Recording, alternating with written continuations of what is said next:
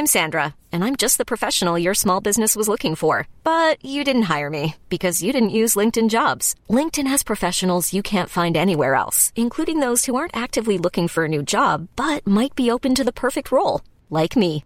In a given month, over 70% of LinkedIn users don't visit other leading job sites. So if you're not looking on LinkedIn, you'll miss out on great candidates like Sandra. Start hiring professionals like a professional. Post your free job on linkedin.com/achieve today.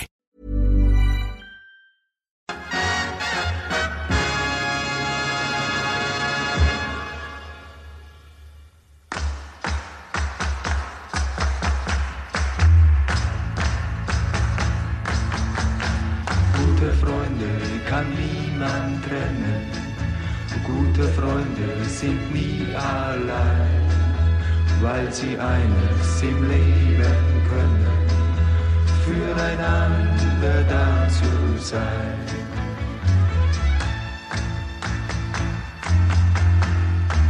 Lasst uns nicht lange reden, wir tun, was uns gefällt. Einmal fünf Mark för jeden, das ist doch Välkommen till ett nytt avsnitt av Stamplats. Det här blir en liten specialare. Vi har gjort det tidigare och det gör vi igen när det behövs. Det är nämligen så att jag och Filip inte riktigt har fått ihop våra scheman så det blir två avsnitt i ett skulle man kunna säga. Två rapporter i ett avsnitt. Jag kommer med min rapport från Bundesliga och Filip om det levande helvetet, Zweite Bundesliga. Vi ska lista nämligen våra topp fem övergångar det här vintertransferfönstret för respektive Bundesliga och Zweite Bundesliga. Och som ni säkert vet om så har det inte gjorts så många övergångar med tanke på vad eh, man är van vid kanske de senaste åren. Men det har ändå gjorts ett par intressanta som jag tror de flesta har koll på. Men jag vill ändå leverera min topp 5-lista så får ni jättegärna komma med era listor helt enkelt. Så kommer ni lite senare få höra Philips tankar kring Zweite Bundesliga och hans lista. Men låt oss helt enkelt börja med min topp 5. Och vi börjar längst ner. Vi gör det väldigt lätt för oss och går till den klubben som har eh, skrikit efter nya spelare vecka efter vecka och det är ju Bayern München. Och de har ju vävat ett par spelare. De har ju vävat Eric Dye, de har vävt Brian Zaragoza som egentligen skulle komma komma, komma, komma, komma, komma, komma, som egentligen skulle komma nu till sommaren, men kommer nu istället nu. Enkelt sagt, ja. Det var ju så att Koman skadade sig i den förra ligomgången och då kände klubbledningen att man behöver täcka upp det helt enkelt. Så man tar in Brian Zaragoza eh, för eh, cirka 4-5 miljoner extra utöver de här 15 man redan har betalat. Men det är inte Brian Zaragoza som jag vill ha på min femte plats. Jag vill ha Sacha Bowie. Den eh, snabba, tekniska, starka högerbacken från Galatasaray som har gått till Bayern München för cirka 30 miljoner euro. Han är ju den dyraste högerbacken någonsin i Bundesligas historia.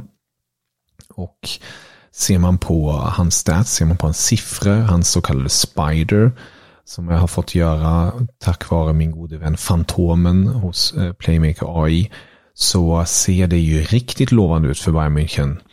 Eh, Bowie är ju verkligen en eh, explosiv, stark, dynamisk högerback som eh, nog kan göra ett och annat för Bayern München och har ju som mål att slå sig in i EM-truppen till sommaren. Han är fransman och han har konkurrens men gör han det bra i Bayern nu till våren så vem vet. På fjärde plats då. Vem hittar vi där? Ja, jag har faktiskt tagit Kevin Focht av alla spelare. Det kanske är en liten överraskning men jag tycker att Union Berlin värvar honom från Hoffenheim och tar in den här rutinerade centertanken, defensiva centertanken ska sägas, som eh, jag tror kan ge den här stabiliteten och även eh, ge det här lite unionska som man behöver. Alltså, all respekt, Bonucci, eh, det är ett gammalt kapitel nu, men det är just en Kevin Focht-typ man behöver i laget, tror jag mer på. Eh, hans auktoritet på planen och hans självklarhet. Det är, det är självklart ingen så här världsklasspelare med spets, spetskvalitet, men det är just hans, hans helhetspaket som man eh, nog kan vara väldigt nöjd med tycker jag. Ur Union Berlins sikte. Sedan vill jag slänga in på en tredje plats Borja Iglesias från Real Betis. Ehm, centertanken, den franska, spanska, gud, ni hör mig, sorry. Det var en lång natt igår. Det var nämligen deadline day-sändning på eh, Fotbollskanalen och TV4. Och det blev tidigt, tidigt månadstimmar man la sig och sen upp igen. Men ehm, det om det. Ehm, jag var inne på Borja Iglesias, eh, spanjoren. Så är det. Ingen fransman, ingen italienare. Spanjoren, 31-åring från Betis. Många tänker, ah, vad, vad är så speciellt där? Jag tycker ändå att det är ehm, imponerande av Leverkusen att man plockar in en sådan rutinerad anfallare för knappt några pengar, alltså lån ska sägas att det är som har visat att han håller en hög kvalitet. Han har nämligen eh, nätat tvåsiffrigt de senaste åren i La Liga. Och är stabil helt enkelt. Och det är perfekt nu för att avlasta Schick så länge Bonifaz är borta. Och det behöver man verkligen nu när man vill, man vill fightas på flera fronter. Såsom Europa League och i Bundesliga då. Så eh, väldigt bra och nyttig värvning på alla sätt och vis. Sedan eh, vill jag ta in en annan anfallare som jag ser väldigt mycket fram emot att få se. Det är Eintracht Frankfurts Hugo Ekitike. Den unga lovande fransmannen, 21-åring som kommer nu från PSG på lån och sen köpoption för Eintracht Frankfurt har ju ryktats väldigt länge till Eintracht. Man hoppades på att man skulle lösa honom i somras när man sålde Kolomani till just PSG, men då blev det inget. Men nu är han i alla fall i Eintracht och det betyder att Eintracht har både Sasha eh, Kalasic och Koge Ekitike. Eh, Så man har lite mer att gå på och eh, jag tror att det kan vara väldigt nyttigt nu i den här toppstriden som man vill fighta sig in i, i det hela. Sist men inte minst är min första blasten är ingen större överraskning. Ehm, jag kan ju bara nämna en bubblare innan Ian Matsen tänkte jag borde egentligen vara med på en sån här lista med tanke på vad han redan gjort och så självklar redan där på vänsterbacken i Dortmund och jag tror verkligen att det är en spelare som kan hjälpa Dortmund att lyfta rejält under våren. Men det är hans nya lagkamrat Jadon Sancho, lånet från United, eh, den förlorade sonens återkomst, ja, ni vet hela den storyn. Jag tror verkligen Sancho som är hungrig, som är taggad, som vill slå sig in i EM, EM-truppen då för England, vill säga, som vill visa hela världen vad han går för trots den här skiten som har hänt i United. Och eh, kärleken som man har till klubben Dortmund och även vissa lagkamrater som, som Marco Reus och så. Så att få in en taggad Jadon Sancho med de spetskvaliteterna, wow. Det tror jag verkligen mycket på. Så det ska bli roligt att följa det här. Eh, det ska bli väldigt roligt att se vad de här nyförvärven kan göra för sina respektive lag. Så får vi helt enkelt återkomma med rapporter. Ett nytt avsnitt nästa vecka, självfallet, med mig och Filip. Eh, men eh, innan dess ska ni få höra Filips topp 5-lista. Auf Wiedersehen.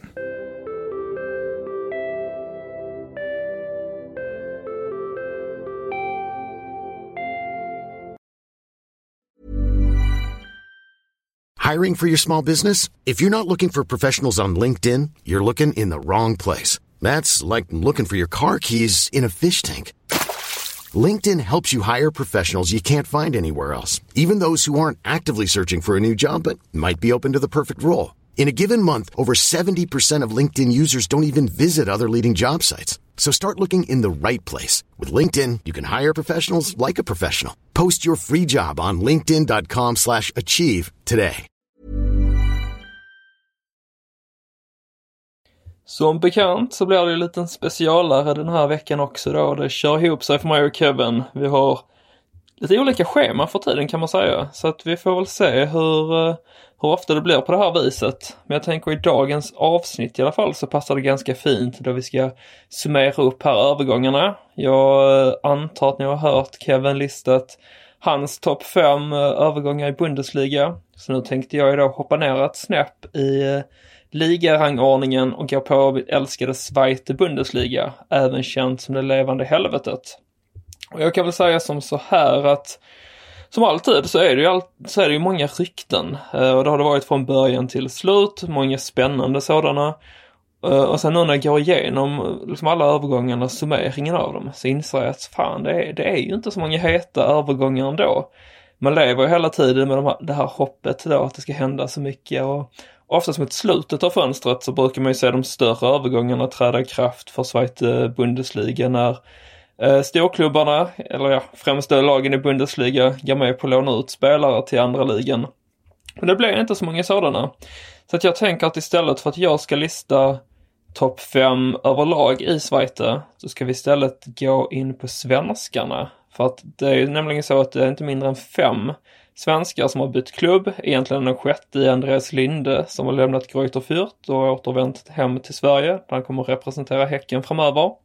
Men vi har ju fått fem, eh, eller fyra nya svenskar och en, ja, man kan väl nästan säga att han också är eh, ny. Eh, så jag tänkte att vi, vi rangordnar dem helt enkelt, eller jag rangordnar då svenskarna som kommit till Sverige till Bundesliga från plats 5 till 1, Vilka jag tycker är de bästa och mest spännande spelarna. Och då börjar vi på femte platsen med Marco Johansson som har gått på lån till Hansa Rostock från HSV. Uh, eh, han gick ju till HSV, det måste vara sommaren 2021 ja, så att det närmar sig nog tre år sedan. Och fick under hösten spela lite i HSV. Jag personligen tyckte han gjorde det bra när han väl fick chansen. Men uh, Daniel Hoyer Fernandes är ju självskriven mellan stolparna. Så att sen när han var tillbaka så blev Marco Johansson förpassad till bänken igen. Och sen helt plötsligt så under våren 2022 så fick han ju inte ens träna med laget längre. Eh, och ombeddat sig som efter en annan klubb för att han visade dålig inställning och attityd enligt tränaren Tim Walter. Så sedan dess har han varit utlånad till Bochum och sen då i Halmstad. Det tror jag ingen gick, eh, gick miste om när han då det var ju mot AIK, jag kommer inte ihåg vilken spelare det var, men han gjorde det här slaget eller strypgreppet eller vad det nu var som gjorde att han då blev avstängd en längre tid. Eh, men eh, han är ju tillbaka i Hamburg igen, eller i alla fall så tillhör han HSV, men har ingen framtid i klubben.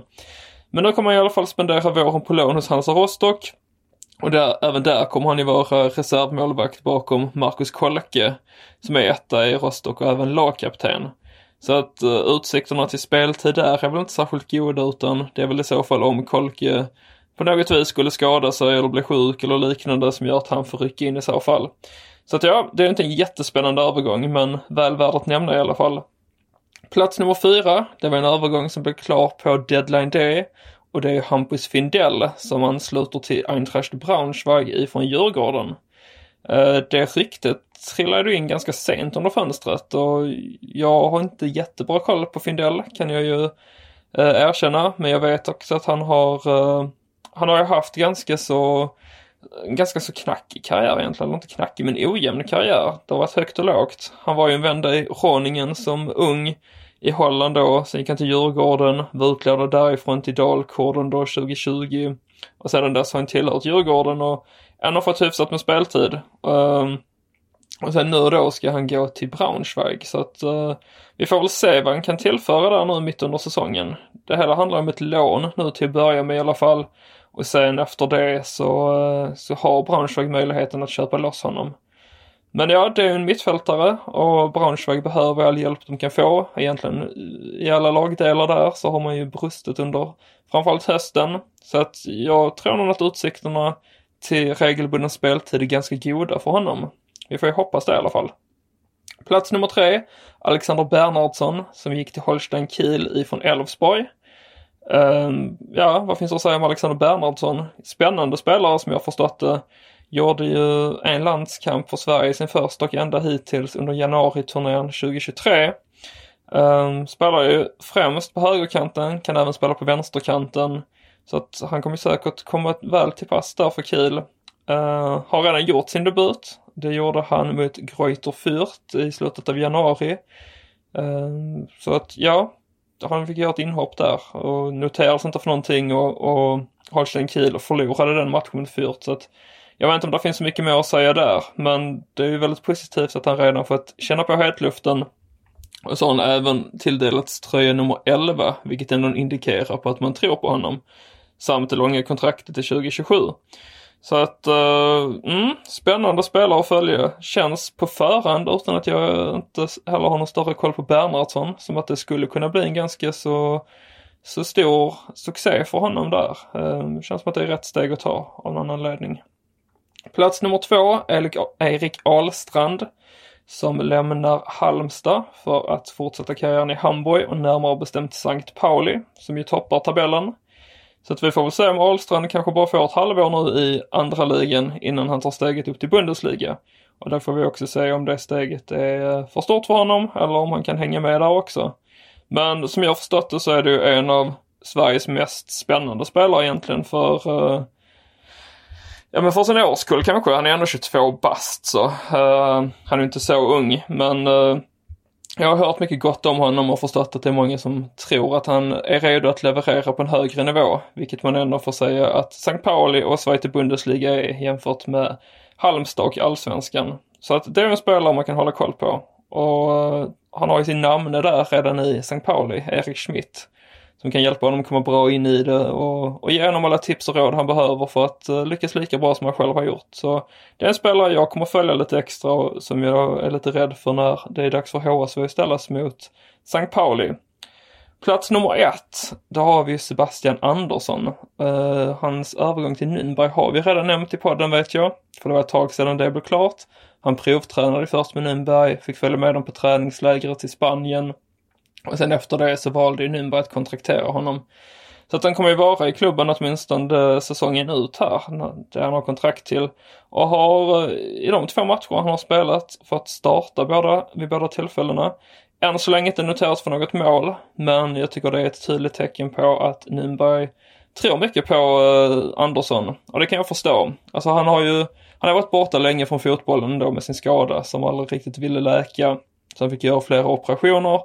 Och sen efter det har det varit väldigt turbulent någon. Det, det var ju att Köln ville ju bli av med honom eh, och gick ut och sa det också. Så att det var nästan lite tjafs där mellan parterna. Men eh, de sig åt och sen gick Sebastian Andersson klubblös här i ett halvår. Och sen då nu är han tillbaka igen och är kvar i Tyskland, vilket är väldigt glädjande. Jag trodde att han skulle hamna någon annanstans, men detta blir hans fjärde klubb nu i Tyskland efter att tidigare ha varit i Kaiserslautern, Union Berlin och då tidigare nämnda Köln.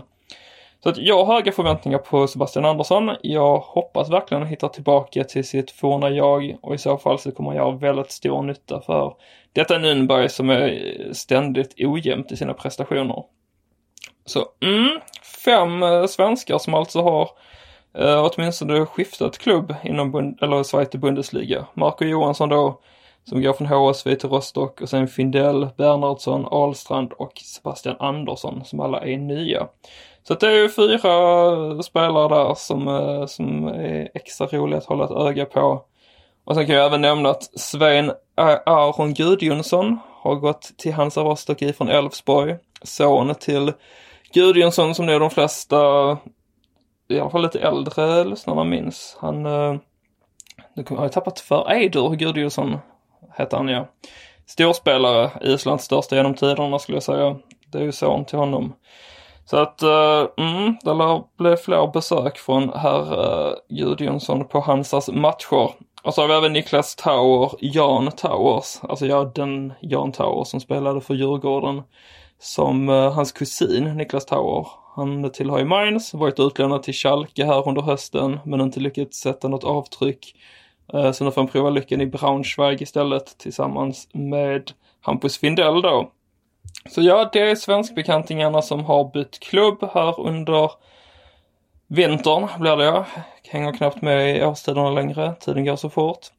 Men eh, mm, ja, jag hoppas ju att ni nöjer er så, så får vi återkomma i framtida avsnitt med lite mer tankar och, och funderingar kring svenskarna nu här. Det är ju då så att vi har 12 svenskar i Zweite Bundesliga.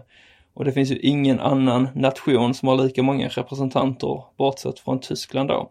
Så att man kan ju verkligen kalla Zweite för en svenskliga och det älskar vi ju. Svenskligan och det levande helvetet får det bli.